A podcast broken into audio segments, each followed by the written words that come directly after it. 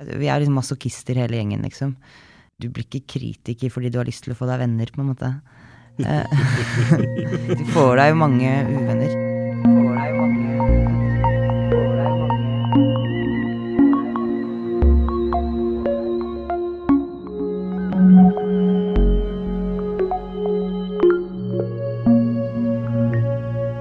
Hei, dette er Skapelsesberetninger. Jeg er Håvard Legreid. Jeg heter Eivind Riise Hauge. Ja, vi lager en podkast for Bergen offentlige bibliotek som handler om kreativitet og kreative folk. Vi intervjuer folk fra Bergen, folk fra Oslo, hittil. Eh, hvem er det som kommer i dag? Det er godt du spør, Håvard, for i dag har vi faktisk en gjest fra det store utland. Oi, oi, oi. Kontinent. En gjest fra Berlin. Er hun tysk? Eh, nei. Nei. Det, da hadde vi, vi fått kjørt oss vi skulle tatt dette på tysk. Ja. Men eh, det er Erle Marie Sørheim. Eh, Hun er kulturjournalist, kritiker, forfatter og filosof. Eh, hun har skrevet sin masteroppgave om Adorno. Oi. Og det som er at Erle er, turnerer litt for tiden rundt omkring. Hun i Bergen og har akkurat kommet ut med en uh, ny bok Jaha. som heter 'Karikaturenes historie'. Og eh, Erle er også sagprosaforfatter. Hei, Erle. Hei, hei. Som eh, vanlig så har vi jo bedt uh, gjesten finne tre ting da, Mm. i biblioteket. Ja. Og uh, Erle er ikke noe dårligere enn de Jeg klarte å finne tre ting. Sant? Ja. Hun klarte å finne tre ting. Og da er vi selvfølgelig spente på hva du har funnet. Uh, Jeg passet på å gå rett inn i barnebokavdelingen, eh, som jo da er de formative år. Og der fant jeg eh, Det var den første eh, jeg så, og så tenkte jeg at den skal jeg ta. Men så gikk jeg rundt og så i alle de andre hyllene, og det er jo da Mio min Mio. Oh. Min uh, yndlingsbok uh, da jeg var uh, Du har funnet den på engelsk, ser jeg. Ja. Kan vi tolke Mio noe ut av My det? Son. Nei, det, var den jeg, det, var den, det var den første boka jeg så i barnebokavdelingen. Mio My Son, den, jeg, den oversettelsen syns jeg var trist. Mio min Mio er jo Ja, den er bedre. Ja, Ja. denne er for deskriptiv, og, og uh, Mio min Mio Jeg har jo dette eventyrvibben, liksom. Men Astrid Lindgren var min store heltinne, og, og Mio min Mio var den beste boka jeg visste. Um, Ja. ja, Astrid Lindgren, det var eh, den viktigste forfatteren for meg. Altså, han Fortsatt. rid, Ridder Cato husker jeg var ja. helt umenneskelig skummel. Ja. Sånn virkelig gjemme seg under senga-skummel. eh.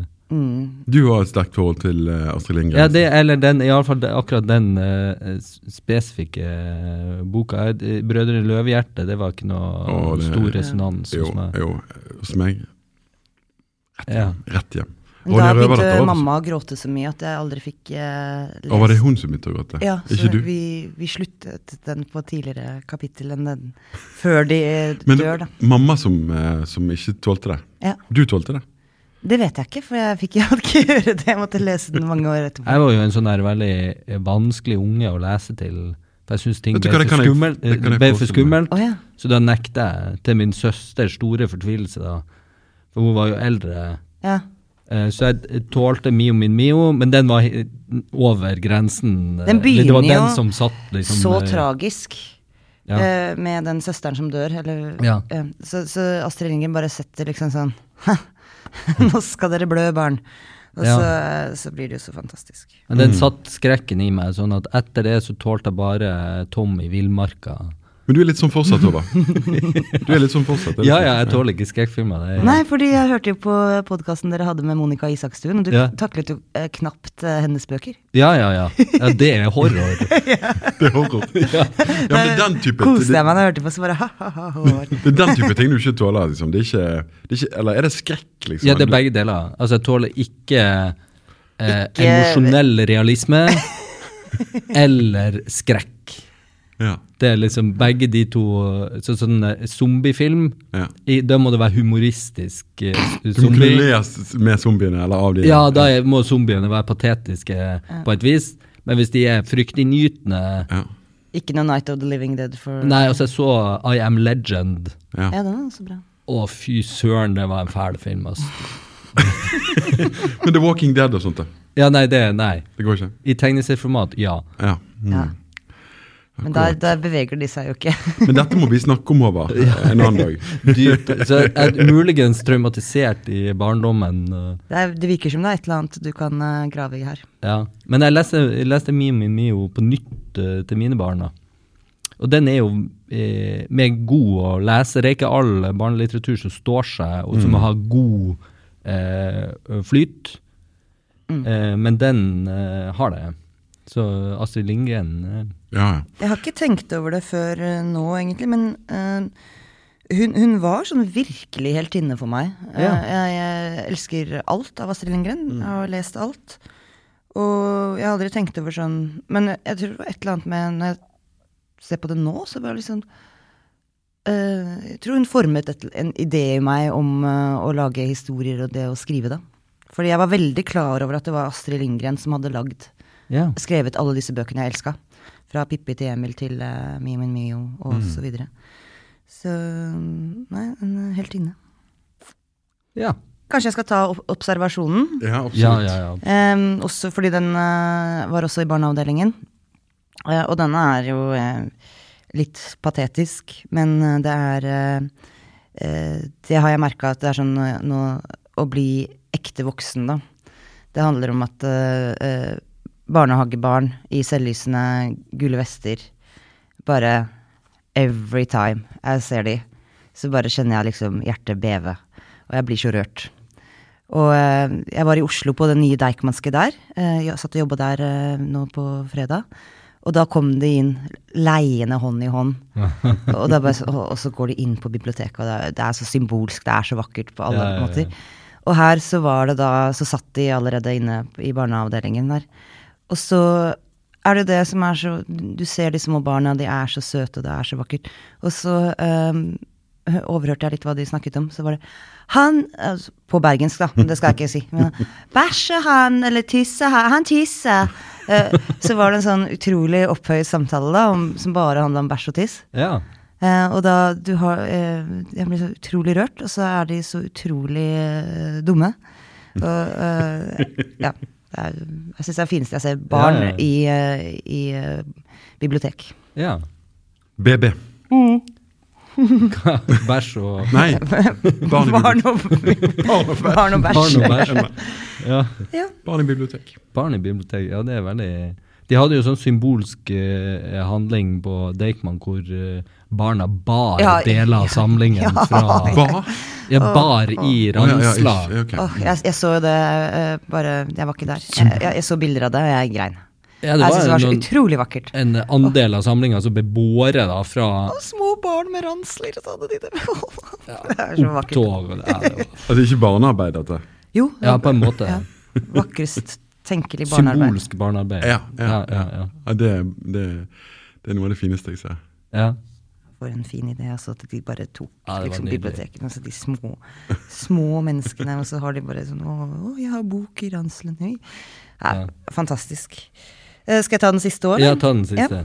Første gang jeg kom til Bergen uh, Eller ikke første, jeg var på Raptus et år, den tegneseriefestivalen. Men eh, uh, første etter det som nå ser ut til å være en årlig ting. Da var min eh, Berlin-venn eh, Pål Norheim fortsatt i live. Og eh, han kom og eh, sa 'Hvor bor du?' Jeg sa 'Terminus'. 'Jeg kommer'. Og så tok han meg ut på byen i Bergen. Eh, og, så jeg tok med hans første oppdateringer. Mm. Eh, og eh, Pål var et, en fantastisk fyr å snakke med. Og i Berlin, der byen aldri stenger, så husker jeg vi satt en natt og bare skravla til det var lyst igjen ute. Og så gikk vi rundt på sånn eh, Det må ha vært sånn kirsebær Det må ha vært på våren der, da, eh, sesongen. Så husker jeg han plukket en sånn blomst og satte i håret mitt. Eh, det var ikke noe romantisk, eh, det var bare sånn Vi eh, var så eh, fulle og, inspirerte, og eh, eh, det var veldig trist at han døde. Sånn, sånn skikkelig eh, varmt menneske, godt menneske, som had, var full av tanker, og jeg dro opp Mac-en min og bare leste høyt det siste jeg hadde skrevet. eh, Eh, og eh, er en utrolig fin fyr, så det, jeg ble veldig, veldig trist at han døde altfor tidlig. Ja, hva handler denne boka om? Det er hans Facebook-oppdateringer, egentlig. Oh, ja. Han begynte jo å skrive på Facebook et, et, Hvis jeg ikke husker feil, kan det Han begynte vel kanskje i rundt 22. juli, for liksom begynte å dekke den saken er med, med rundt det disse det. Det. Det begynte vel egentlig med eh, disse rettspsykiaternes vurdering av Behring Breivik som paranoid schizofren. Det er i hvert fall det første jeg husker. da. Ja. Og senere så skrev han masse sånne mini-essays på, eh, på Facebook. Og det ble da samlet i to bøker. Oppdateringer én og to. Og det der er den eh, første, og fikk jo Altså Det var jo strålende tekster, dette. Eh, altså De Facebook-oppdateringene det var jo liksom alltid interessant eh, å lese. Og uhyre velskrevet eh, og, og velformulert bestandig. Og eh, ja, jeg tror eh, profilen fortsatt ligger åpen, så man kan rett og slett gå inn der og, og lese hans tekster. I Ja, det kan man. Det tror jeg familien var veldig opptatt av. Mm. At eh, den skulle ligge der. Uh, og han hadde jo hatt skrivesperre vet, i masse år. ja, ja. Noe som også er sånn litt sånn skummel ting man nesten ikke tør å si høyt. Eh, Da kan man jinxe ting. men, eh, men han hadde jo eh, liksom kjørt seg eh, bort i et hjørne, og, så fant han et nytt medium hvor det funka da. Ja. Og noen ganger så tror jeg det hjelper så innmari mye. Å bare ikke tenke på det hvis du er veldig statisk og tenker sånn nå skal jeg skrive, setter jeg meg ned og jeg skal skrive på eh, dette Word-dokumentet, nytt dokument, og så skal jeg sette i gang, så, så kan du få så mange sperrer. Men han, når du plutselig ikke tenker over det, så, sånn som han gjorde på Facebook, så, så kan uh, veldig mye interessante ting skje. Ja, fordi at han hadde jo han hadde noen bokutgivelser. Eh, blant annet en liten roman som heter Gottfried von Baders dagbok. Ja. Og så var det en diktsamling som het Stemmegafler, tror jeg. Og så er det den veldig fine reiseskildringen Z. Altså bare bokstaven Z. Men selvfølgelig også som i 'jeg har sett'. eh, som er en eh, skikkelig, skikkelig fin, eh, fin eh, liten bok. Nå virka det som du hadde forberedt deg. Det, det var helt Jeg bare kan litt om alt. Og ganske mye om uh, en spesifikk forfatter, vil jeg si. Ja, det var alle tre bøkene han hadde. før Vær så god, holdt på å si. Det ble- Tusen takk.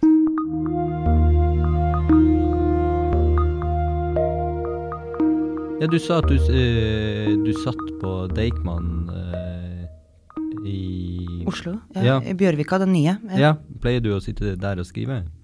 Uh, nei, det var første gang jeg var der. Ja. Eh, men jeg har jo ikke fått vært i Norge Jeg har vært utestengt fra mitt hjemland. ja. eh, på ondskapsfullt vis. Ja.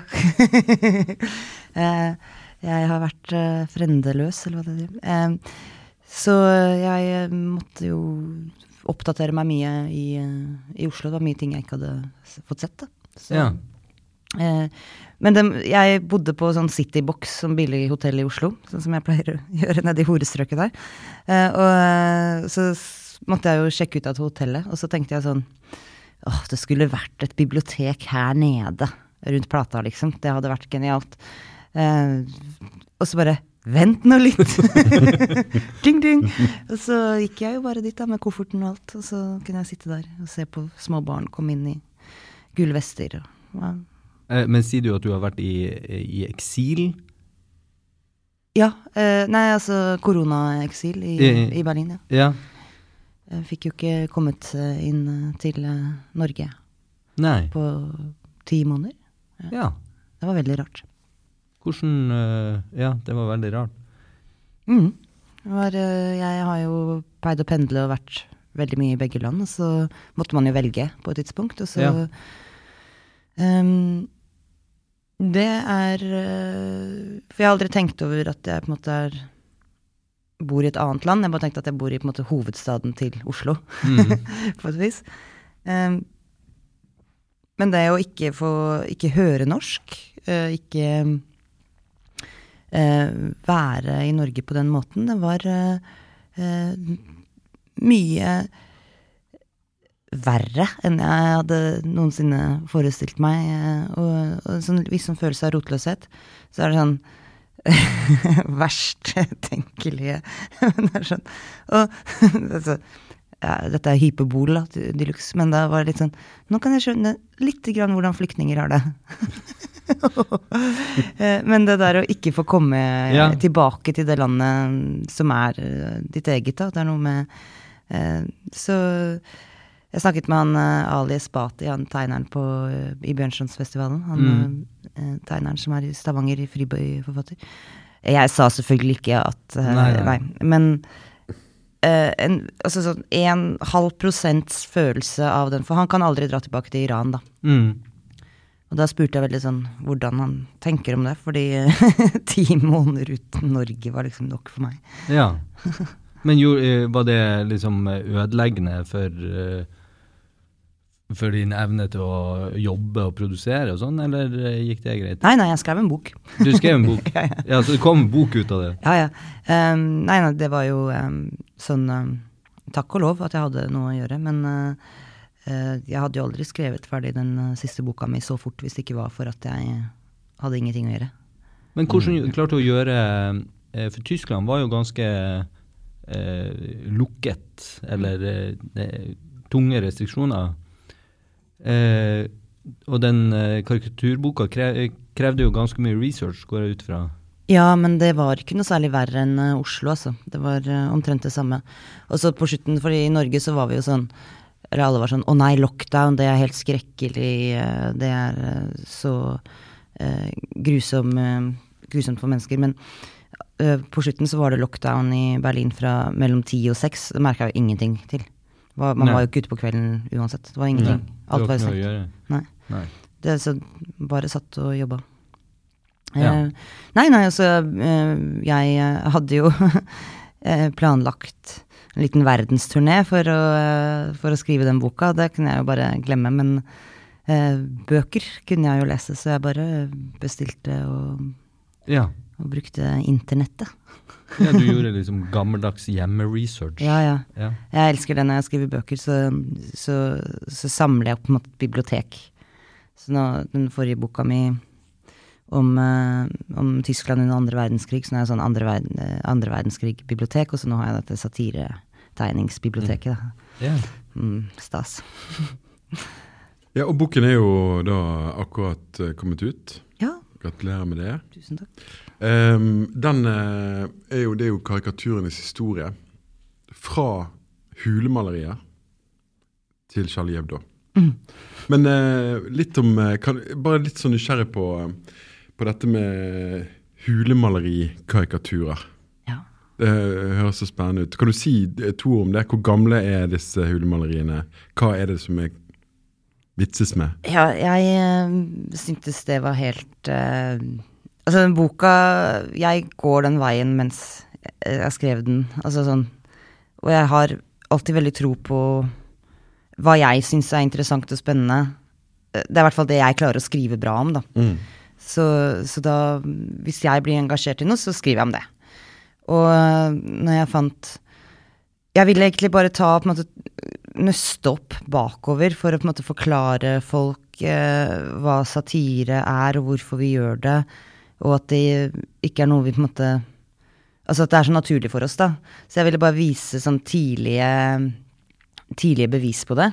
Så jeg nøsta opp bakover, egentlig. Jeg visste jo om alt, liksom eh, Vittighetsbladene og eh, tingene på 1800-tallet og 1700-tallet.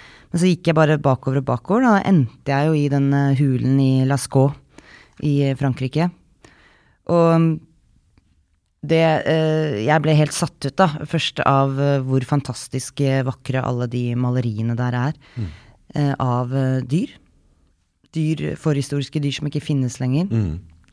Noe som sånn utrolig Jeg elsker fun facts, da. Det er jo at der har du så mange ulike dyr, bisene, store, mektige dyr. Eh, men det eh, hulemenneskene, Homo sapiens den gang, levde av, det var reinsdyr.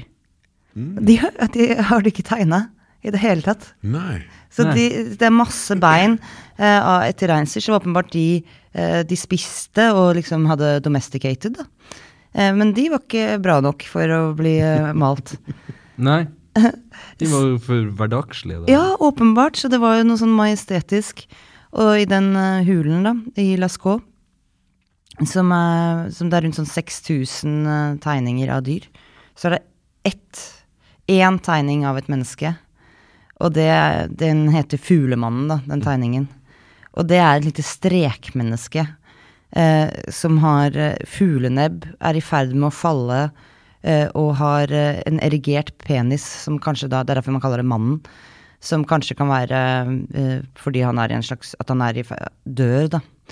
Eh, og eh, over han så står en bison som åpenbart har, eh, har drept han, da. Som også er såret.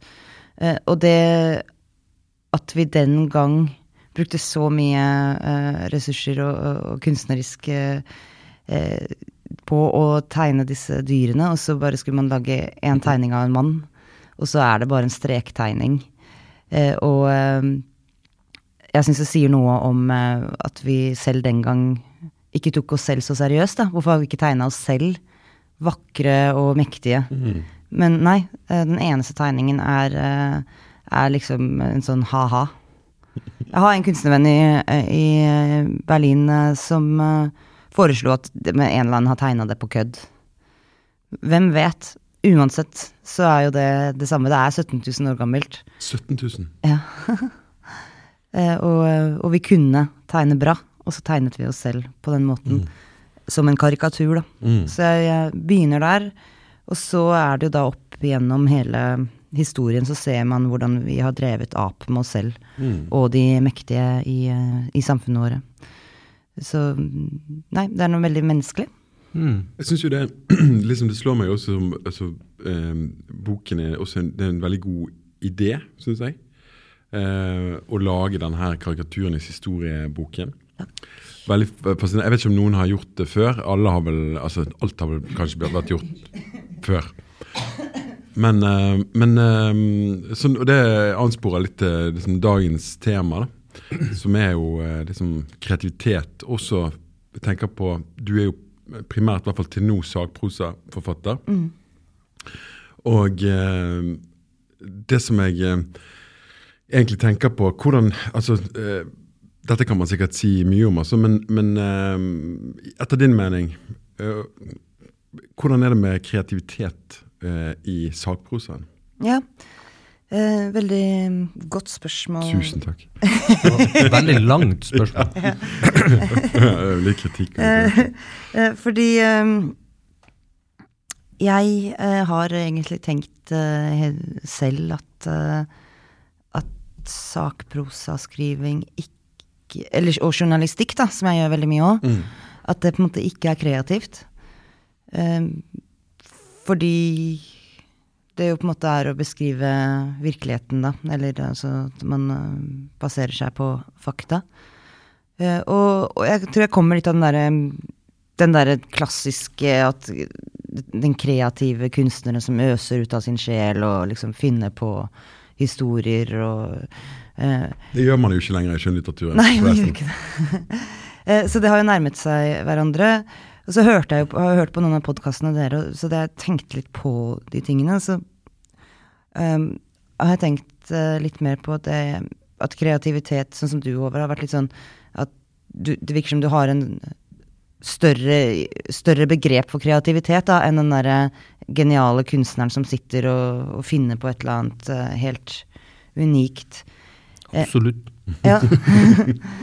eh, og, og jeg tenkte litt på at eh, jeg tror i sånne arbeidsprosesser at eh, bare hvis jeg skal skrive en veldig kjedelig sak, eh, så er det sånn åh, gud Så trenger man Man trenger én idé, da. Ja.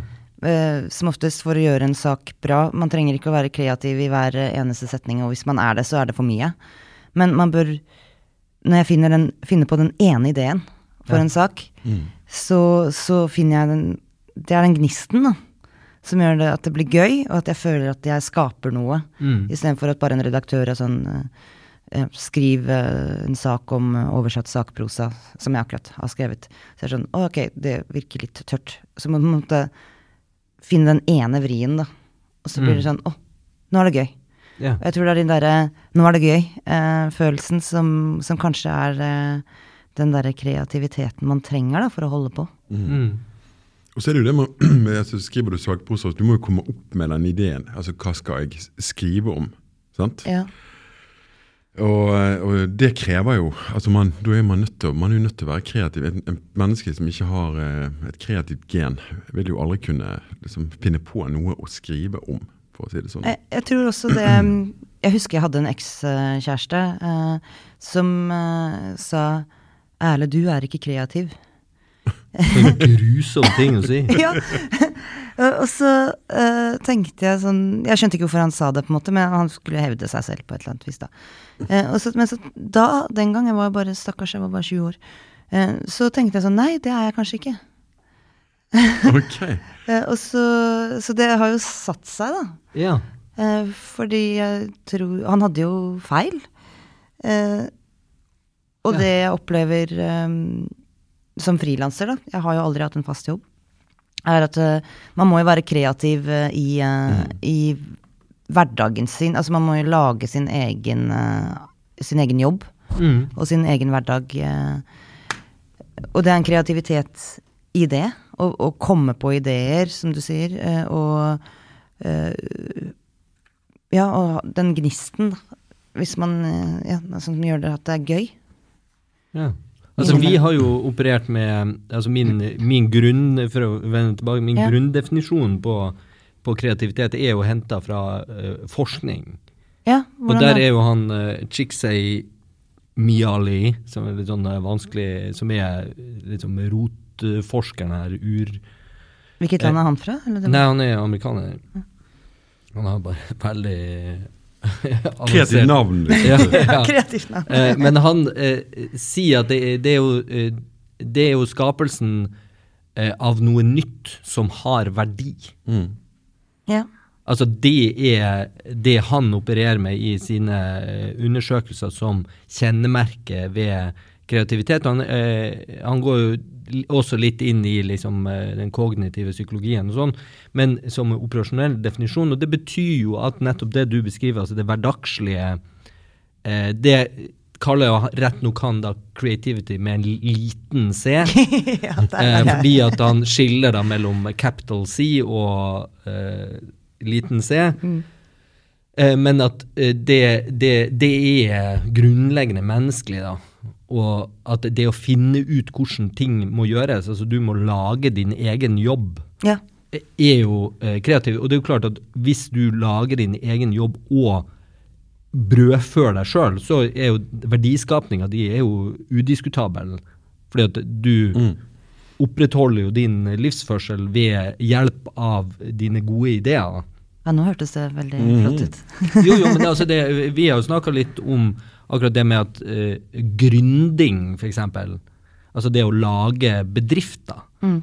Altså når du lager verdier som går utover uh, hva frilanseren gjør, da, som er å klare seg selv, men når du klarer deg selv og lage jobb for andre, så er jo det på en måte enda en uh, level up i, i forhold til å lage verdi. Sånn at den skulle Ofte så, så tenker jeg at når man snakker om kreativitet, så snakker man på en måte om kunst. Eh, men disse begrepene kan helt fint eh, skilles fra hverandre, og det er kanskje mer interessant å snakke om eh, kreativitet som ikke-kunst. Mm. Altså at du lager eh, nye ideer som Altså de verdiskapende nye ideer. Mm. Og så Ja, er det det er jo jo- begrensa hvor nye de trenger å være òg, muligens. Mm. Jeg tror det er mye rikere å se på kreativitetsbegrepet på den.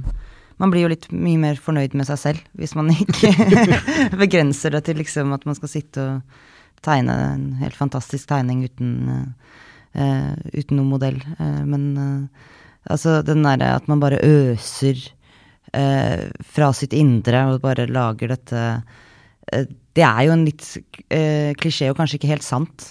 Altså, vi ser det jo nå i skjønnlitteraturen også, at uh, hvor mye verden påvirker det folk skriver, da. Mm. Um, så Det ville jo være rart om verden ikke ja. påvirket det man uh, skrev. Men det, men det med sakprosa og, Og kreativitet det er jo også, det er også sånne ting som språk. da, Altså hvordan man formidler eh, Isak Posan, Som også, det, krever jo sin mann eller kvinne å kunne formidle godt. sant? Og, og, og skrive bedre enn andre. sant? Det er jo også en, en, en, et forhold ved det. Og det tar meg videre til dette. for Du er jo også kritiker. Ja. Eh, ser du på det som, eh, som kreativt arbeid?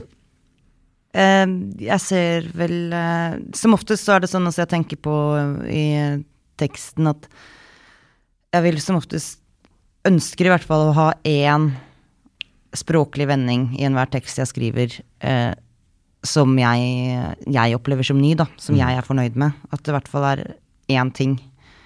Eh, så på en sånn eh, 4000 tegns tekst at så aspirerer jeg i hvert fall til at det skal være noe jeg har kommet på eh, som eh, for meg er en ny formulering. Nå føler jeg at jeg synder til det når jeg tenkte på det nå. Men, uh, men det har vært eh, litt sånn uh, det viktige. Altså, du må jo skrive i en anmeldelse. Det er så mye Du må skrive om boka, du må skrive hva forfatteren allerede har uh, skrevet, hvordan det var.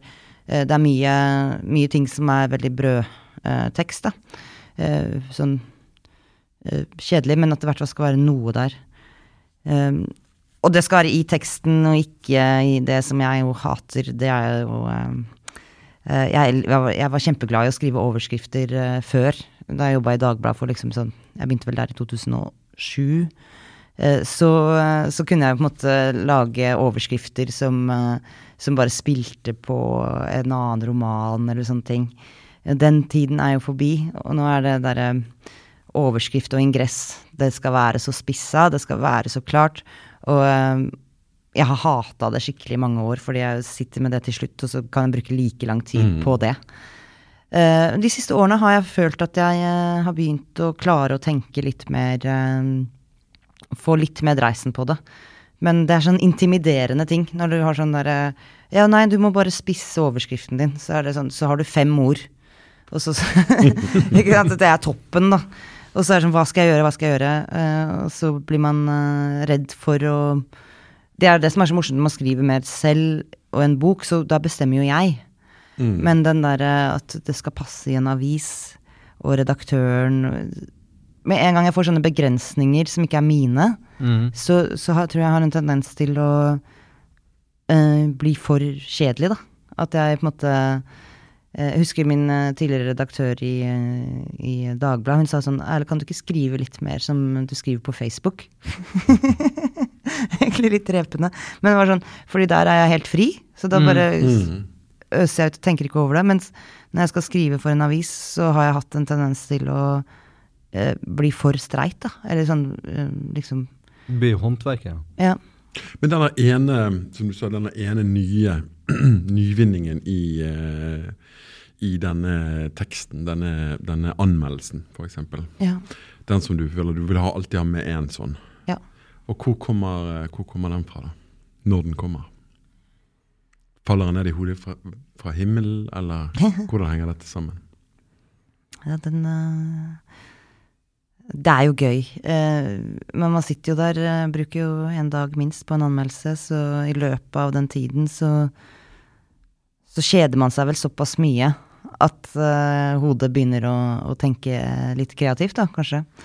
Em, men, men det er jo sånne lykkestunder eh, foran eh, Mac-en, når man finner på den ene tingen. For jeg merker veldig ofte at eh, eh, det er så mange ferdigtygde setninger i hodet eh, og formuleringer, da, som man kan jo Jeg kunne jo sikkert kunne egentlig vært en morsom øvelse, bare skrevet eh, en tekst som bare er konvensjoner.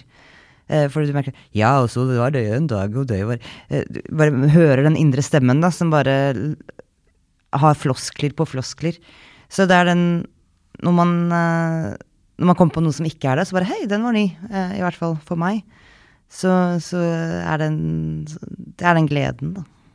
Du har jo en, en far som er lyriker, Ja. poet. Ja. Har det eh, på en måte influert deg, tror du, i, i valg av retning? Det å, å selv være skrivende? Ja. Um, Tore, da, pappa. Ja. Um, det som jeg tror har vært veldig eh, kanskje avgjørende, var at eh, for meg var det en helt sånn dagligdags ting. At noen satt hjemme og, og skrev Mm. dikt. Mm. og at det å ta det steget og, og tenke at eh, jeg vil leve av å skrive, eh, var jo da for meg en veldig vanlig ting. Det, og noe jeg tenkte på som en, en arbeids, mulig arbeidsvei, da. Um, fordi jeg så jo at pappa tjente lite penger, men han var glad. er glad. Uh, og at uh, dette begrepet liksom 'jeg er forfatter', det har aldri vært noe eh, big deal for meg, da. Jeg har vokst opp med å uh, kjenne masse norske lyrikere, en lurvete, koselig gjeng.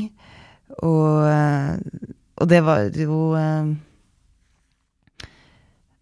Ja, nei, det er nok det, Nei, så jeg tror nok det absolutt uh, formet ideen om at, at det var en mulighet. Mm. Eh, og så har jo jeg gjort noe annet uh, enn pappa, men vi snakker mye om skriving sammen og sånn. Mm. Og eh, jeg tror vi, vi deler ganske mange sånne følelser og tanker om arbeidet vårt, og det er veldig gøy. Eh, Jeg føler litt at han er en kollega, liksom. Mm. Bestemte du deg tidlig for at det var Han har lært meg alt om skatt. Jeg trenger et, jeg må ha et kurs. Men Takk, pappa. Bestemte du deg tidlig for at det var liksom At det var sakprosa du ville skrive, eller liksom Har du noen tanker om å skrive skjønnlitteratur, f.eks.? Ja, jeg har eh, skrevet en del skjønnlitteratur for meg selv. Eh, jeg var også ganske langt inne med et manus på et forlag. eh, som føltes som en sånn der het forelskelse. De var så entusiastiske i starten, og så bare eh, dabbet det av eh, til det ikke ble noen ting på slutten. Så det var sånn der, eh, følelse av å bli dumpa da. Eh, og nå Jeg skriver eh, ofte skjønnlitterært. eh, jeg syns det er skikkelig deilig avkobling og, og skrivearbeid. Jeg, altså, altså, sånn, jeg tror man blir bedre av det. Eh, og Nei, så jeg hadde ikke tenkt Jeg trodde ikke det gikk an å skrive sakprosabøker. Jeg trodde jeg var uh, stuck som journalist og, uh, og kritiker for evig tid. Så bare åpnet et, disse mulighetene seg, så, så jeg skriver uh, det jeg får mulighet til, på en måte, da. Mm. Uh, men jeg har jo en veldig sånn journalistisk åre og grunnleggende tankegang, tror jeg. Og, og det å finne fakta og, og researche og sånn elsker jeg. Altså, det er kjempegøy. Og Ja. det, det jeg kan jo gå så opp i researchfasen at jeg må liksom sånn Nå må jeg slutte å lese. Nå, jeg kan begynne å skrive. For jeg har sånn Jeg har behov for å liksom lage meg en Ha en mastergrad i alt jeg skriver om før eh, Mm. jeg begynner. Ja, det, det er vanskelig å slutte med researchen. Ja. Ja. Um, ja, for man kan jo researche til evig tid. Ja. Og det er jo gøy. Men det er også en eh, prokrastinasjon, da. ja, ja, det er en utsettelse av Ja, det uunngåelige. Ja. Det du skal. Eh, så- Men hvordan kjenner man igjen eh, at man har nådd et sånn eh, metningspunkt? da? Altså når, når begynner du å mistenke at du driver på med prokastinering? Det er når jeg liksom er på femte boka eh, og ikke har skrevet et ord, eh, men bare tatt notater, da. Ja. Så er det sånn, nå kan jeg vel begynne. Men eh, det, er, det, er også, det handler også om selvtillit. Ofte jeg må måte lese meg opp for å føle at jeg kan eh, nok til å skrive selv, da. Eh, men, men det er veldig viktig å ha den Å si nei, nå kan jeg nok. Ja. Nå kan jeg begynne. Og ikke tvile. Den derre Man kan alltid bli mer ekspert, og det merker jeg ofte når jeg er ute og holder foredrag og sånn. Det er alltid én, eller jeg er gjerne én i salen, som skal spørre meg om noe annet enn det jeg har fortalt om, noe annet enn det jeg har skrevet om, for å liksom finne hullene i kunnskapen, da. Og vippe det av pinnen? Ja, ja. Ja. Alltid samme mann. sant? Ja, ja. eldre, eldre hvit herre. Mm. Mm. Altså Ofte så kaller man jo den altså innenfor sånn innovasjon. da. Så uh, gjør man jo innsiktsarbeid og research og, og sånn. Og det er liksom en sånn innsiktsfase. da. Og så skal du jo over i uh, idé, og da, det kaller man syntetisering. Altså da eh, skal du flette sammen de innsiktene du har, for å komme på en måte videre, eller et hakk opp, sånn at du føler at nå skaper jeg noe nytt, nå kommer jeg på noe nytt, Altså det er kanskje en sammenheng mellom ting som ikke åpenbart henger sammen. Eh, og der er det jo, uh, når, du, når sånne prosesser gjøres, da, så er det jo veldig viktig at eh, prosjektleder eller noen liksom sier Nei, nå eh, er vi ferdig med innsikt, nå må vi over i Hvis ikke så holder på en måte det teamet bare på. Ja. Så det er liksom, det kan også skje i gruppe. Det er veldig kjent, liksom. Ikke bli for lenge i innsikt. Begynn å syntetisere eller f- f- finn på. Fordi da får du da en, eh, en slags feedback-loop som gjør Altså når du begynner å produsere, så skjønner du hva du ikke vet, da. Ja. Sånn at du kan gå tilbake med en, og gjerne da gjøre en bedre research. Ja. Fordi at du blir, eh, hullene dine blir tydeligere. Veldig sant. Eh, Og sånn eh, opplever jeg jo også fordi alle de bøkene du har lest Du må jo alltid, når du skal skrive, du må jo alltid gå tilbake til noe du ikke har i hodet. Selv om Mm. du har lest masse, så må du jo du må jo finne det spesifikke akkurat. Ja. Og, eh, og det er en helt uh, uh, uh, Ja, du kan ikke Den researchfasen er Den er sånn grunnleggende, men det er ikke der når du skriver, så må du helt sånn to the point, da. ja. Og uff, når jeg skrev om andre verdenskrig Det var jo også helt forferdelig på mange måter. Fordi jeg hadde så mye ting jeg huska at jeg hadde lest. Ja. Og så uh, det store spørsmålet Hvor leste jeg det? ja. Hvor er det? Åh. Hvor er referansen? Åh, jeg brukte så utrolig mange timer på å finne tilbake til ting jeg huska, og ikke ante hvor. Uh, for jeg er ganske rotete også, da, så jeg, jeg er sånn som uh, eh, skriver notater på veldig mange ulike måter. Eh, Så på en måte system, jeg er ikke systematisk. Så Og det er den der å huske det i hodet. Jeg vet dette er sant. Jeg vet at jeg har at jeg, Nå trenger jeg det i teksten. Men uh, hvor var det? Og da, det, det er jo det som er dritt da når man skriver eh, sakprosa. Da må man jo ha det. Mm. Hvis jeg hadde skrevet skjønnlitteratur, så kunne jeg bare Jeg har lest det. Eh, og dette er vår omtrent det det var. Men Ja, ja, jeg kan ikke jukse sånn. Ja, Ja, men er det ikke litt flytende også innenfor sakprosaen? Altså hvor stor grad av etterrettelighet man eh, krever? Det vel en litt sånn eh, gradering fra forskningslitteratur til mer uh, poppis uh, ting. Ja, uh, det kan du si, men jeg er veldig journalistisk prega. ja. og, og fra universitetet og sånn også, så jeg, så jeg, jeg klarer ikke å, å leve med sånne ting. Og, Sånn så jeg må ha jeg har fotnoter og, Ja. og ha dekning, da. ja.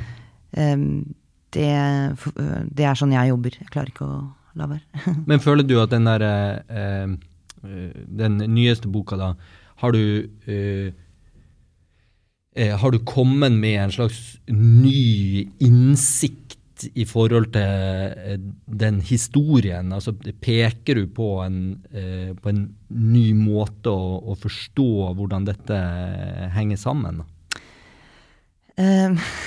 Det virker jo Litt hardt spørsmål. Eh, å si ja er jo veldig selvtilfreds. Eh, men eh, det jeg jo prøvde når jeg begynte satte i gang Jeg prøvde jo å finne den boka eh, jeg skulle skrive. Mm. Så jeg leita med lys og lykte i alle de språkene jeg kan, og, for å finne denne boka. Og jeg fant den ikke. Så jeg hadde jo en idé om hva jeg ville lese. Mm. Og den, eh, det meste sånn om satirekunsten, det er så utrolig mye, det er så stort felt. Så alle bøkene var sånn krigs, eh, eh, engelske krigskarikaturer mellom 1839 og 1849. Mm. Altså så utrolig smalt, da. Og den derre, den brede eh, penselen jeg ville bruke, altså den, ta dette sveipet gjennom historien og måtte vise bare noen sånne røde tråder. Og ikke gå meg eh, eh, bort i, i små, minutiøse detaljer. Eh, den eh, fantes, fant jeg ikke jeg, da. Nei. Så, så sånn sett så syns jeg jo Ja. Ja. Um, og, og det er jo utrolig tilfredsstillende, for jeg, jeg var så frustrert. Det er jo det jeg også bruker masse researchtid på, er jo å finne bøker, da. Uh, og, og ja. altfor mye tid, på det, tid og penger på det. Men uh, da var jeg sånn frustrert fordi jeg Ja, denne boka må jo finnes. Uh, og så kom jeg sånn Vent nå litt. Det er jo bra at den ikke finnes. Da kan jo du skrive den. ja, det er den jeg skal skrive. Ja. Ja, men det er jo en fin, det er en fin inngang. Sant? Ehm, eh, det der å Ok, hva er det som temaet er, Du har temaet ditt, men hva er det som ikke finnes, da? Sant? Alle detaljene finnes. Ja. Men, men dette, som du sier, denne brede pensel, denne innføringen på en måte da, i, i tematikken og i karikaturer i det tilfellet, sant? det fins ikke. Så da må du fylle det hullet. Mm. Eh, og det, jeg er jo veldig sånn eh, opptatt av uh, å formidle kunnskap. Ja. Altså både som journalist og uh, også når det kom til, eh, til kunst, så er det veldig mange som skriver veldig vanskelig og innforstått. Eh, og eh, jeg syns eh, det er veldig tilfredsstillende å skrive noe som alle kan forstå, da. Um, Og jeg opplever at det er en sånn dreining i sakprosaen i den retningen, syns jeg. da. Eh, sant? Altså, hvis du går litt lenger tilbake i tid, så har du mye mer av de tingene der. Veldig sånn eh, Husker dere Kvitt eller dobbelt, liksom? Så, Ja. eh, Alt om akvariefisk. sant? De, de, de underligste ting som folk satt og så på det, at ingen visste noen ting om det denne mannen eller kvinnen satt og svarte på. Så, så det var veldig mange menn, jeg tenker meg ja, det var, det var nok det. det var nok det. De gjør seg bedre på TV, vet du. Ja, de har så mange Men det små, som, små. det som men, men eh, så, Og personlig så er det jo Du går inn i et tema Du har gjerne lyst til å få en liksom bredere innføring da eh, enn å gå liksom inn og bare altså lese en eh, sånn ekstremt detaljert sak om, som du sier, i E- England fra 1839 til 1849. sant? Mm. Det er ikke det i hvert fall jeg ville vært på jakt etter. Så eh, Nei, og det er en sånn eh, begrepsrunking da, som mange skribenter uh, holder på med, som bare Det er så tilfredsstillende for dem å, å, å bruke ord, bruke fremmedord. mm. Uh, og det syns jeg er uh, Jeg har jo en master i filosofi, som jeg måtte minne meg selv på. Fordi i går da når jeg holdt foredrag, så var det en mann som spurte hva, hva er din eh, eh, bakgrunn for Var det han der plagsomme Ja. Hvor, hvordan kan du? du skri, skrive om dette? Så det er Var det, sånn var det et spørsmål? ja, Det er ganske ja, frekt, ikke det? Ja, ja, ja. Men uh, sånn får du, vet du, når du er uh, eh, yngre enn dem. Og, uh, og så og det er den, den derre Å ja, jeg har en master i Theodor Adornos estetikk. Har du det? Liksom. Det spurte jeg ikke, da. Det var det jeg skulle gjort. Uh, Har du det? Men uh, det er jo masse vanskelige ord og uttrykk, og jeg er jo flytende i tysk og alt mulig sånn. Jeg behøver jo ikke Jeg trenger ikke å bruke det i noen som helst tekst. Mm. Jeg syns det er kjempeinteressant å, og har ha lært og skjønt en brøkdel av Ikke spør meg om den mastergraden nå. Eh, men eh, eh, Når var den, forresten? Masteren? 2008. Det er jo en, jeg ser jo en klar kobling der. altså Adorno det er jo offentlighetsteori eh, også. Ja. Eh, og, Og estetikk og ja, ja, men etikk altså satire, hva er det annet enn eh, offentlighet? Ja, Det er jo drøftelsen av, av eh, altså hvordan offentligheten snakker med seg selv og kommenterer osv. Det er jo Ja, jeg vil jo si det er et spot Her går den røde tråden, nærmest. Ja, den røde tråden i mitt eh, I min uh, Ikke karriere Karriere er litt for flott ord for uh, det jeg holder på med, men den er veldig vanskelig å finne, da, for jeg har liksom en master i Adorno, så jeg har skrevet bok om andre verdenskrig, og så har jeg holdt på masse med tegneserier, og nå denne om satire. Det Det er sånn også en reiseguide til Berlin. ja, ja, reiseguide med masse Og jeg fikk, jeg fikk researchbudsjett til 20 000 kroner på Å gå rundt. å spise på de beste restaurantene i Berlin. Nice. Mhm. Eh, og, så det, det Det virker Jeg har ikke skjønt selv hva jeg holder på med, da. Eh, Eller sånn, jeg har ikke sett noe Jeg bare har sånne nedfallspunkter. Mm. Som Det er spennende, det er spennende. Men nei, så du, du liksom påpekte at det kanskje er en slags rød tråd der. eh. Jo, men det virker også litt sånn eh, Det er jo spennende med den koblinga til journalistikk, som jo er litt sånn Det er jo punkt Mm. Journalisten er jo en som slår ned i et uh, tema, og så slipper det, på en måte. Du, du har skrevet den uh, pisen eller sånn, og så å, Nytt tema. Ja.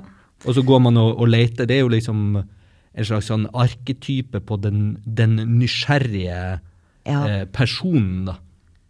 Det, Og det vil jeg jo si eh, du utmerker deg i.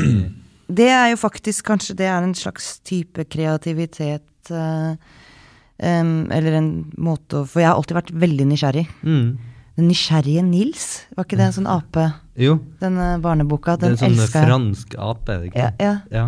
Eh, Den Jeg eh, identifiserte meg veldig med den eh, apen. ja. Eh, og eh, jeg har alltid vært veldig nysgjerrig, mer Ja. Eh, og mm, det er jo kanskje eh, Om det ikke er kreativitet, så er det noe sånn med Man må jo ta inn ting, da, for å kunne skape noe. ja, altså vår venn Kaufmann, han eh, Ja. påpeker jo at eh, eh, altså av de personlighetstrekkene som gjenfinnes hos kreative, så er det jo ofte utprega nysgjerrige mennesker. Det er, og jeg tenker jo på det nærmest som en slags forutsetning. Da. ja. Eh, man trenger ikke nødvendigvis å være nysgjerrig på menneskesinnet. Eller, altså det kan jo være litt forskjellig hva det er man er nysgjerrig på, men jeg tror jo kanskje at jo åpnere nysgjerrigheten er, jo større potensial da, for en form for eh, kreativitet. Så kommer det jo an på kanskje hvor disiplinert man er og, og fokusert, og sånn hvor mye verdi eller produkt man klarer å skape. Men altså, det blir jo akkurat som en sånn eh, Jeg tenker at nysgjerrighet er nærmest en forutsetning for fantasi, da, eller Mm. inngangen. Og så må du jo lage noe. Ja, for det er jo en sånn viss eh, ydmykhet i det å være nysgjerrig òg. Du sier jo på en måte da til deg selv at jeg Dette vet jeg ikke, og Mm. jeg vil det er, det er masse ting jeg ikke vet. Og, og noe av det farligste er vel det å på en måte bli veldig selv fornøyd med det man vet, Ja. og tro man vet uh, det som trengs.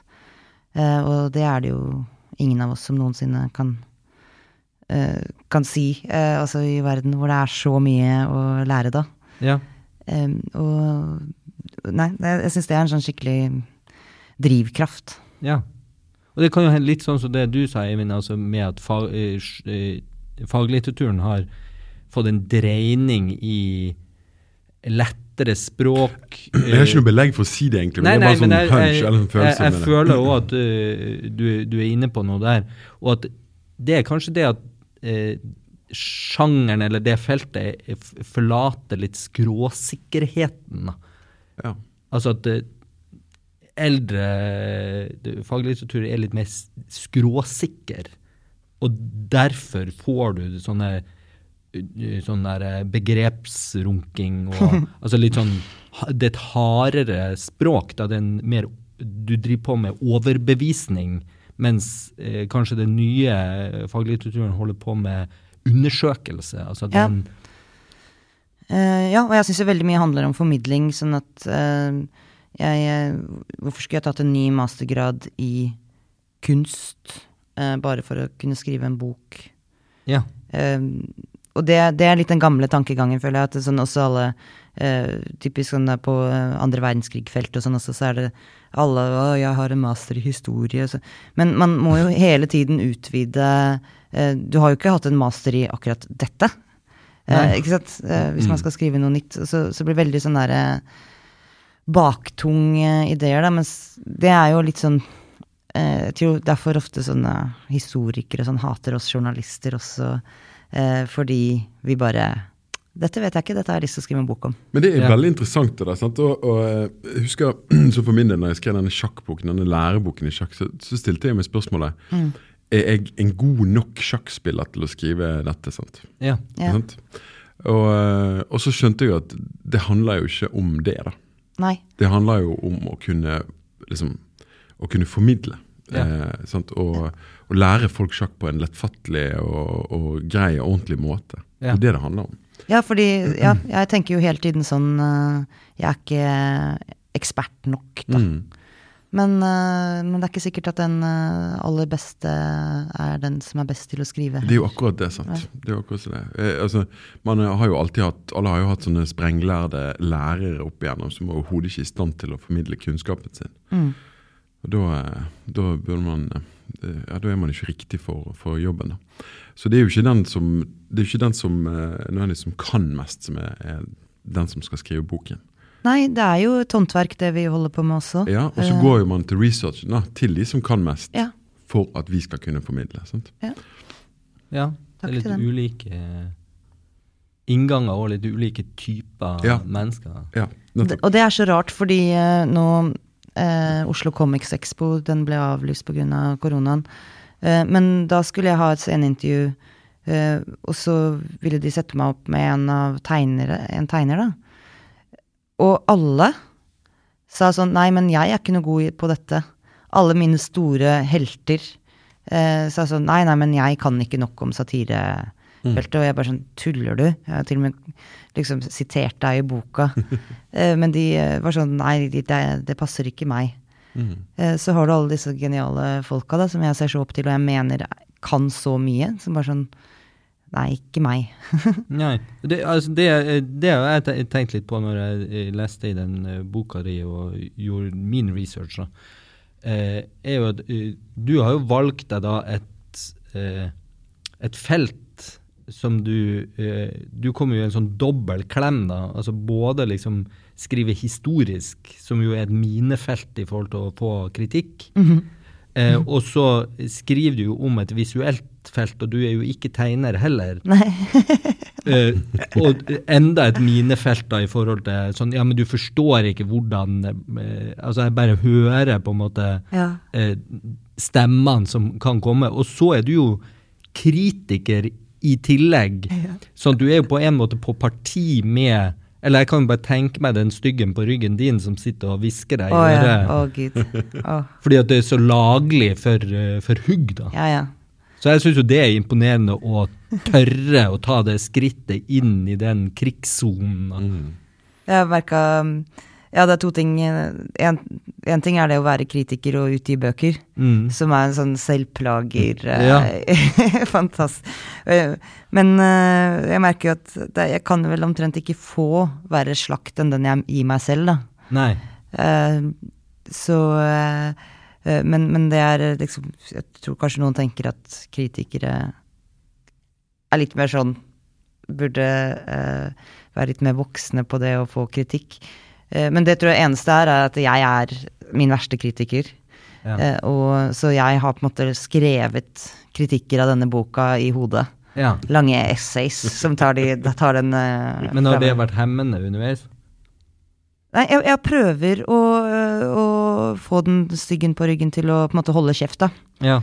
Mens jeg Men jeg føler at det er en kamp. Jeg føler ikke at jeg utsetter det. Jeg føler at det er en, at det er en sånn fight. Ja. Eh, Så, så måte gnisten, nysgjerrigheten, entusiasmen må på en måte bare være sterkere. Ja. Eh, Fordi den er der hele tiden, da. ja. Eh, og det andre, da når jeg hadde lanseringsfesten i Oslo i forrige uke, så var jo liksom Lars Fiske, som har tegnet coveret, som er helt Var så lykkelig for at han ville gjøre det, og endelig fikk jeg liksom litt sånn kreativ eh, eh, Når man sitter aleine og jobber hele tiden, så var det så utrolig gøy, da, for han er jo så kunnskapsrik og kom med masse ideer. Men han og Lars, Vis nei, Lars Fiske og Steffen Kverneland satt jo i salen. Mm. Eh, Det er så utrolig pinlig. Og så sitter jeg og snakker om Olaf Gulbrandsson og sånn, som de har skrevet den fantastiske jeg liksom, jeg, det, er en, det er jo det Jeg føler at jeg eier ikke skam. Altså, det var så flaut. Eh, og bare sånn Fy søren, de må på en måte være Bli sinna. Men så blir det ikke det, vet du. Eh, Og det er jo det som er så fint med ekte kunstnere, at de, de syns det var kjempegøy ja. og er rause, da. Eh, og de, eh, de Det opplever jeg veldig med tegnere. Er helt fantastisk raus og kul gjeng. og så gøyale samtaler jeg alltid har med de. Og, og ikke noe sånn derre 'dette kan vi, og ikke du', Mm. i det hele tatt. Men apropos eh, kritikk. Du har jo fått eh, utmerket kritikk. Jeg har fått én kritikk. Og den var veldig god. Ja, i Morgenbladet. Morgenbladet. Mhm. Så da er jeg fornøyd nok. Nå er jeg, nå er jeg klar for liksom noen slakt. Ja. Når Morgenbladet liksom har tommel opp. så- Ja, sant. mm. sant. Også, Så så- men er du, er du selv eh, fornøyd med boken, da? Eh, både og. Jeg har jo Jeg vet jo masse ting som eh, eh, jeg kunne gjort mer av. Altså for det meste, eh, for, først og fremst, så, så kunne den bare vært eh, lenger. Jeg kunne skrevet mer. Eh, og det er vel eh, kanskje greit at eh, jeg er veldig glad i korte bøker selv. Den derre eh, Den tilfredsstillelsen med å bare lese noe ferdig. Mm. Så, så jeg får kanskje bare Selv om den kunne vært tre ganger så lang, så er det kanskje greit at det ikke er en murstein. Eh, det er også en ting, bare sånn motivasjonsfaktor. Jeg har begynt å lese, skrive uh, liste over hvilke bøker jeg har lest. Mm. Det er så utrolig basic, enkel ting. Men uh, kjempemotivasjonsfaktor. Jeg er liksom sjokkert over hvor motiverende det er. Og da, for det er bare sånn, så liksom smeller du boka igjen på siste side, og så er det bare sånn he-he-he. så har du liksom nummer 50, så fører, du, fører jeg inn, og så skriver jeg alltid sideantall og sånn, da. Ja. Og så en én setning om hva jeg syntes om boka. Eh, men, men jeg hadde aldri trodd at det skulle være så motivator for å lese ferdig bøker.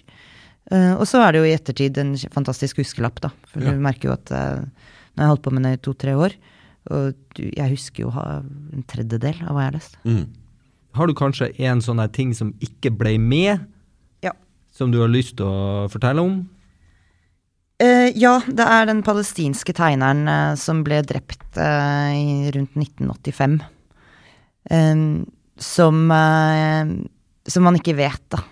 om var, ble drept av Israel eller PLO. Det er uklart. Han ble drept i England. Og nå skulle jeg selvfølgelig hatt uh, navnet her. Uh, men han hadde en sånn eh, eh, liten eh, karikatur eh, av en liten gutt.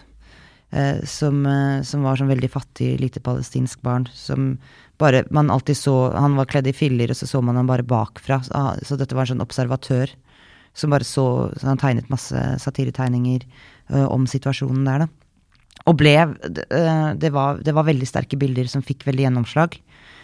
Eh, og mm, en kjempespennende historie som eh, på en måte ikke helt passa inn. Samtidig som jeg, jeg hadde deadline, og så hadde jeg jo tenkt til å ta det med på et vis, og så, eh, så tok jeg det ikke med. Eller fordi jeg rett og slett kanskje glemte det. Oi. Mm. Ikke sånn eh, men, men boka er jo eh, Jeg skriver veldig tett opp til eh, altså 50-60-tallet, og så skulle jeg ha hele Charlie Hebdo-tråden og forklare det, og så fikk jeg eh, intervju med Flemming Rose, han som satte Mohammed-karikaturene på trykk. Og så fikk jeg helt på slitten, så endelig etter eh, å ha prøvd å få tak i eh, noen fra Charlie Hebdo i et år, så to uker før deadline så svarte endelig redaktøren, da, Riss. Oh, ja. Så da måtte jeg snu meg om og få skrevet spørsmål på fransk til han. Og så jeg, måtte jeg bruke en uke på å oversette det, det tilbake. Så, så, så ting bare ble liksom kastet opp, eh, og jeg måtte bare samle trådene eh, veldig fort, da. Ja. Så ja. Godt spørsmål. og det er ikke eneste ting. Jeg har jo hele den norske satiretradisjonen etter eh, 50-tallet er jo på en måte også sånn um, en annen bok, da. Jeg kunne Ja. skrevet. Det blir neste, neste. Ja. oppfølger. Mm. Ja, ja. Det Gå kunne vært mange bind, det her. Ja.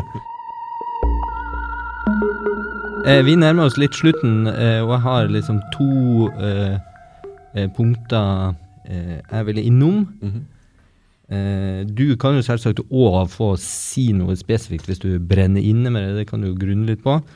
Men eh, eh, jeg vil vende litt tilbake til det med, med kritikk, som jo liksom eh, Det er jo kanskje det mest den eh, Du sitter på en slags sånn unik posisjon eh, i form av et sånn metaperspektiv, da. Altså det Nå ble det liksom begreps... eh, apropos det. Mellom betyr det da, egentlig. Altså Du sitter i en mellomposisjon eh, både som utøvende kritiker, og så er jo disse satiretegnerne er jo samfunnskritikere. Eh, og sånn, Men det, jeg- det jeg lurer på i forhold til kreativitet, det er eh, hva du tenker om er kritikk nyttig, eller eh, hvordan virker den for den skapende? Ja. Eh, jeg eh, tenker jo absolutt at det er, er nyttig eh, og eh, nå Det er jo selvfølgelig veldig vondt når man får dårlig kritikk. Eh, men at det er skjerpende, da. Ja. Og selv eh, Altså denne eh, anmeldelsen jeg fikk i Morgenbladet nå, så var det et par ting så er sånn Ja, jeg veit. men at det, det er fint at noen påpeker, altså tar et verk seriøst, da. Og, eh, og, og er, er en uhildet stemme. Jeg har veldig tro på det, da. ja. Um, det er jo Forfattere elsker jo å hate kritikere. Um, og eh, ja, Eivind, er eh, Jeg elsker det. ja. og, eh, og, og det er jo en sånn Det er ikke den triveligste Vi er liksom masochister hele gjengen, liksom. Eh, sånn uh, Du blir ikke kritiker fordi du har lyst til å få deg venner, på en måte. Eh, du får deg jo mange uvenner. ja. Eh, men eh, jeg, ja, jeg syns det er veldig nyttig. Jeg syns det er nyttig eh, Jeg liker veldig godt å lese kritikk. og, og få det selv er så bra. Men har, Ja, du, men- har du jeg, må bare spørre om Ja. Har du virkelig sånn Har du fått uvenner når du har eh, Altså på grunn av ditt virke som kritiker? Ah, ja. Eh, navn? Altså, Nei, nei. eh, eh, altså, jeg vet ikke om de er uvenner, men jeg vet jo at det er folk som eh, er sinna på meg. Eh, og Så folk tar det så altså de går, Det er ikke liksom kritikken, det, da, da er det du som står Ja, ansvarlig, og det er ja, du som ja. skal Ja, ja, altså, det var det, det er nylig også så merka jeg det sånn eh, En som overså meg totalt. Mm. Eh, sånn bevisst. Jeg sa liksom hei, og så eh, fikk jeg ikke noe hei tilbake. Bare- Fordi du hadde skrevet en, en, en, Ja, en jeg syns ikke det var så dårlig engang heller.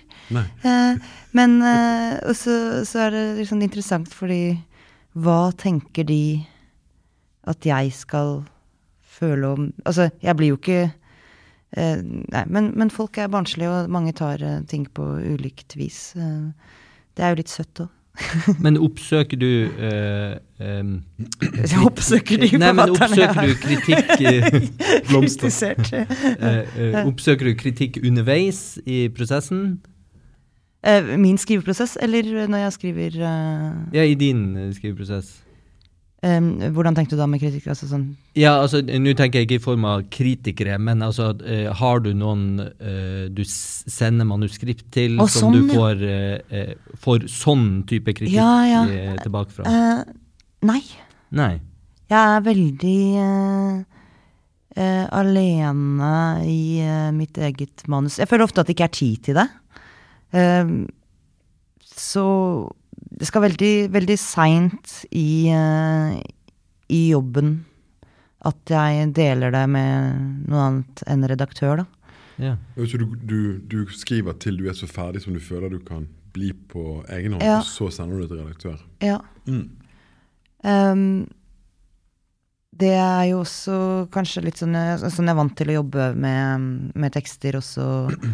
Og jeg opplever på en måte det å skrive bok er bare som å skrive ti journalist- artikler etter hverandre, eller 20, da.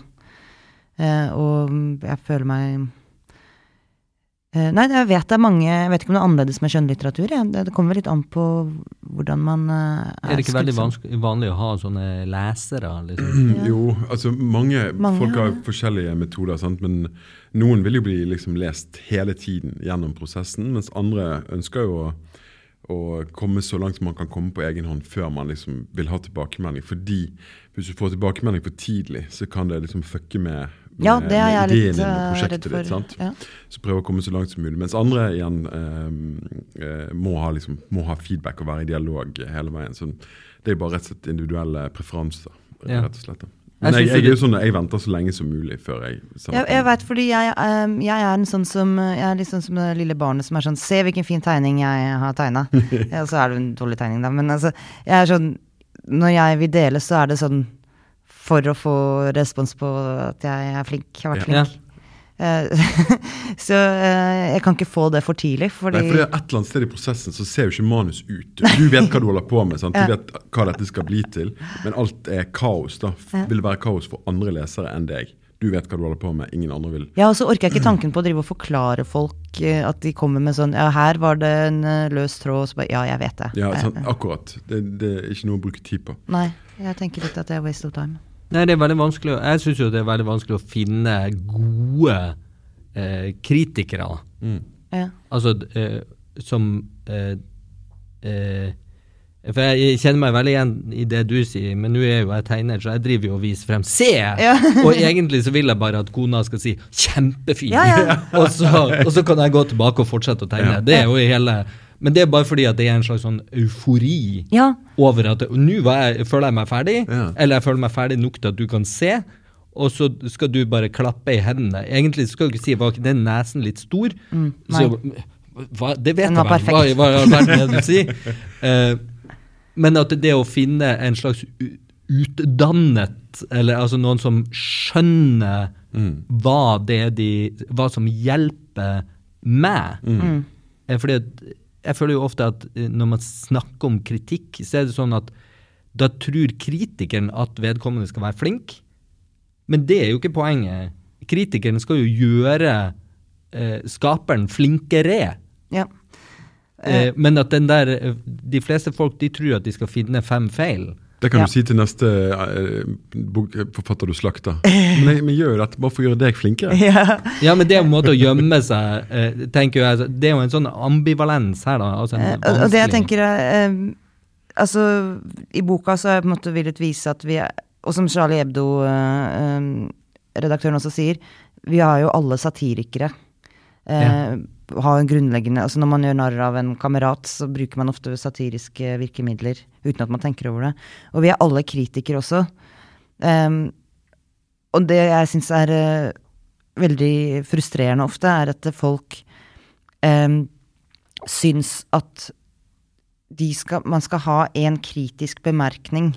Altså at det å ikke ha likt noe Mm. eh, Det er sånn, ja, hvordan var utstillingen? Ja, men eh, Så føler folk ofte at de på en måte er flinke når de har, noe å utsette. Mm. Men kritikk handler like mye om å fremheve det gode, fremheve de gode trekkene, eh, det som er eh, gjort bra. Ja. Og det er kanskje enda mer eh, krevende, da. Eh, Men, men det er så mye sånn eh, Vi har den, den tendensen til liksom, akkurat det likte jeg ikke, og så på en måte forstørre det. ja. Men eh, det viktigste Det jeg tror er den største kunsten, eh, som jeg, nå snakker jeg litt til meg selv også, er eh, å, å glede seg over de tingene som er gjort bra, da. ja. Uh, og det er jo det man skal eh, se som kritiker også. Ja, og så jeg leste for eh, noen år siden så leste jeg sånn eh, eh, en slags sånn gründerbok da, om hvordan man lykkes og sånn, og da var det en uh, amerikansk forfatter som hadde intervjua ulike businessskapere, og, men også kunstnere og sånne ting. Og så helt i det siste kapittelet handla litt om kritikk, eller feedback i den sammenhengen. da, Så hvordan utvikler du ting? Og da hadde han intervjua en, sånn, en historieforteller. altså Han drev på en måte slags sånn skriveworkshops. Eh, og det var, han var jo publisert forfatter selv, og sånn, men det var liksom tilbakelagt. Han var nå en som hjalp andre til å bli gode. Og han hadde som en sånn regel som jeg syns var så fantastisk eh, tenkt. Han ga aldri negativ kritikk av noe slag. Og hadde det egentlig som i sin sånn skrivesirkel når han hosta de tingene, eh, som en regel at det, det var ikke lov. Ja, det er jo Eh, kunst. Og, og, sa, og han sa at i hans erfaring gjennom altså, et tyvetalls år i den bransjen, så sa han at eh, For han tvang da deltakerne til å gi kritikk til hverandre, men det skulle ut, utelukkende være hva de likte, og hvor ting fungerte og sånn. Det syntes alle var kjempevanskelig, men han så at alle gjennom de Han hadde jo opptil en uke sånne her workshops, da så så han at eh, For han kunne jo se alle de dårlige tingene i tekstene. Det var jo ikke noe problem å finne de. Nei, det er Men han kunst, så at de, de svakere delene av tekstene de forsvant av seg sjøl. Ja. Og hans logikk var det at hvis du fremhever i kritikken det, det gode, så vil mottakeren fokusere på det gode, og da fokusere mindre på det dårlige. sånn at det, Da tar det gode mer plass, og da vil av seg sjøl det dårlige skvises ut. Jeg skal aldri skrive en slakt igjen. Nå, det, Da blir det mye blød ja, men, ja, ja, ja, det Ja, men jeg syns det, var- det var et sånn derre eh, eh, Ja, det Det var kunst, en det, altså. nøtt å tenke på i, i hodet, at det er fullstendig mulig. Men så er det jo akkurat det du sier, at den som gir tilbakemelding, trenger også å føle seg flink på et, eh, på et vis. Og dermed så går vi alle i den derre eh, Vi blir alle satirikere, da. Altså da gir vi eh, ting, og det kan være vondt for den andre, og kanskje ikke nyttig for den andre. å Nei. Nei, men det var, det var veldig Det skal jeg ta med meg til eh, Stavanger. Og, Ja. og min neste kritikk, som jeg må vel skrive neste uke. Ja. Du, skal, du, skal, du, er på, du er på farten. Du skal til Stavanger, du. Ja. I all verden skal du der. Eh, Da, i, nå i kveld så skal jeg lede Jeg trodde jeg skulle være i panel, men så skal jeg lede samtalen, så det er en mye større jobb. eh, om Tyskland. Yeah. Eh, og i morgen skal jeg intervjue en uh, kunstner. Per Christian Brown. Og dette er altså kapittelfestivalen. Kapittelfestivalen. Og på fredag Ja, nå vet jeg ikke når dette kommer ut, men på fredag skal jeg snakke om min egen bok, da. Så det blir en chill dag. Ja, Men, det er det eh, letteste. Ja. Intervjua på scenen, det er luksus. Ja, det er luksus. Nå skal jeg be om, som et siste punktet, så skal jo jeg be om kritikk. Ja. For nå har jeg, eh, som sedvanlig, så gjør jeg et eh, portrett av, eh, Ah, ja. av gjesten. Mhm. Det vil jo bli lagt ut på bibliotekets nettside. Ja, og det vil jo ligge i, som coverart for eh, episoden. Mhm. Så det er min eh, forberedelse. Så nå har jeg jo en satiretegningskritiker, journalist, forfatter, ja. Filosof. filosof eh, tilgjengelig eh, nå. Så nå Eh, jeg syns du fikk til Jeg syns du har fanget meg veldig bra, da. Ja. Eh, jeg blei ble, Jeg lurer på hva Og nå er det bare positiv greie. Ja, ja, nå er jo prima kritikken. Eh, Og så syns jeg jo eh, Ja, den her spilte du opp bra. Håvard. Eh, eh, og så elsker jeg jo altså, at du har en glorie og, og djevelhorn. Jeg så ikke glorien først, jeg så bare djevelhornene. Oh, ja. Eh, og så tenkte jeg yes. Og så så jeg oi, det er en glorie òg. Det var jo raust. Eh, men det er veldig sånn Donald, ikke sant, Ja. som jeg digger. Men særlig øya mine. Hva er det du har brukt for et bilde? Jeg synes det var eh, som underlag. Jeg synes du Nei, Jeg har ikke brukt det som underlag, men jeg har jo referanse. Nei, ikke under, referanse. For ja, det, jeg fant et bilde hvor du hadde vært og svømt. Uh... ja, er det det, ja? ja. Ja, jeg lurte på hva det her er. Jeg var inne på Facebook-stalkingen her. Det var derfor du la meg til, ja. Ja. Mm. Ja, nei, ja, for jeg lurte på, for det er veldig, um, det er veldig meg. Det er Ja. Sånn uten sminke, uten Ja, ja, ja. Den eh, Det var derfor jeg likte fotografiet, for jeg tenkte da ble det eh, Røde leppestift er veldig vanskelig å, å gjengi uten at det blir for karikert. Da. Ja, det er kanskje Ja, nei, det ser ut eh, Akkurat leppa så litt større ut enn eh, Jeg har så små lepper. Ja, Det er jo en kjent eh, sak innenfor portrett at eh, Jeg husker ikke hvilken kunstner som sa det, men et portrett er da en eh, tegning av en person hvor det er noe galt med munnen. Nei! Det er litt, men Nå husker jeg ikke hvem som sa det, men eh, det syns jeg jo For munnen Mange tror at det er øynene som er vanskeligst, Ja. men det er ikke riktig. Det er munnen. Det er munnen. For den er jo, det er jo bare en strek, liksom. Ja, ja. Men så skal det jo helst ikke være en strek, og så skal du ha et smil. Eh, og så, men hvordan, og så får du ikke resten av mimikken til å stemme. Ja, Ja. Munnen, det er liksom Ah, Ja, du tatt, ja, etter svømmetur, ja. Ja. Ja, ja. Det, Det var Molde to uker siden. Havet er jo ditt uh, element, eh, eller? Du er jo stadig vekk og svømmer. har Ja, jeg liker det. Uh, og så bor jeg i Berlin, så det er, jeg, må, jeg må benytte sjansen når jeg har den her. Absolutt. Tusen takk for den tegninga. Ja, men du skal altså få en litt uh, bedre utskrift oh. enn eh, uh, en den. Stas. Også en som bare er portrett. Men tusen takk for besøket, Erlend. Ja, det har vært takk. en glede å snakke med deg. Jeg gleda meg veldig til det her og koste meg veldig, så tusen hjertelig takk skal dere ha.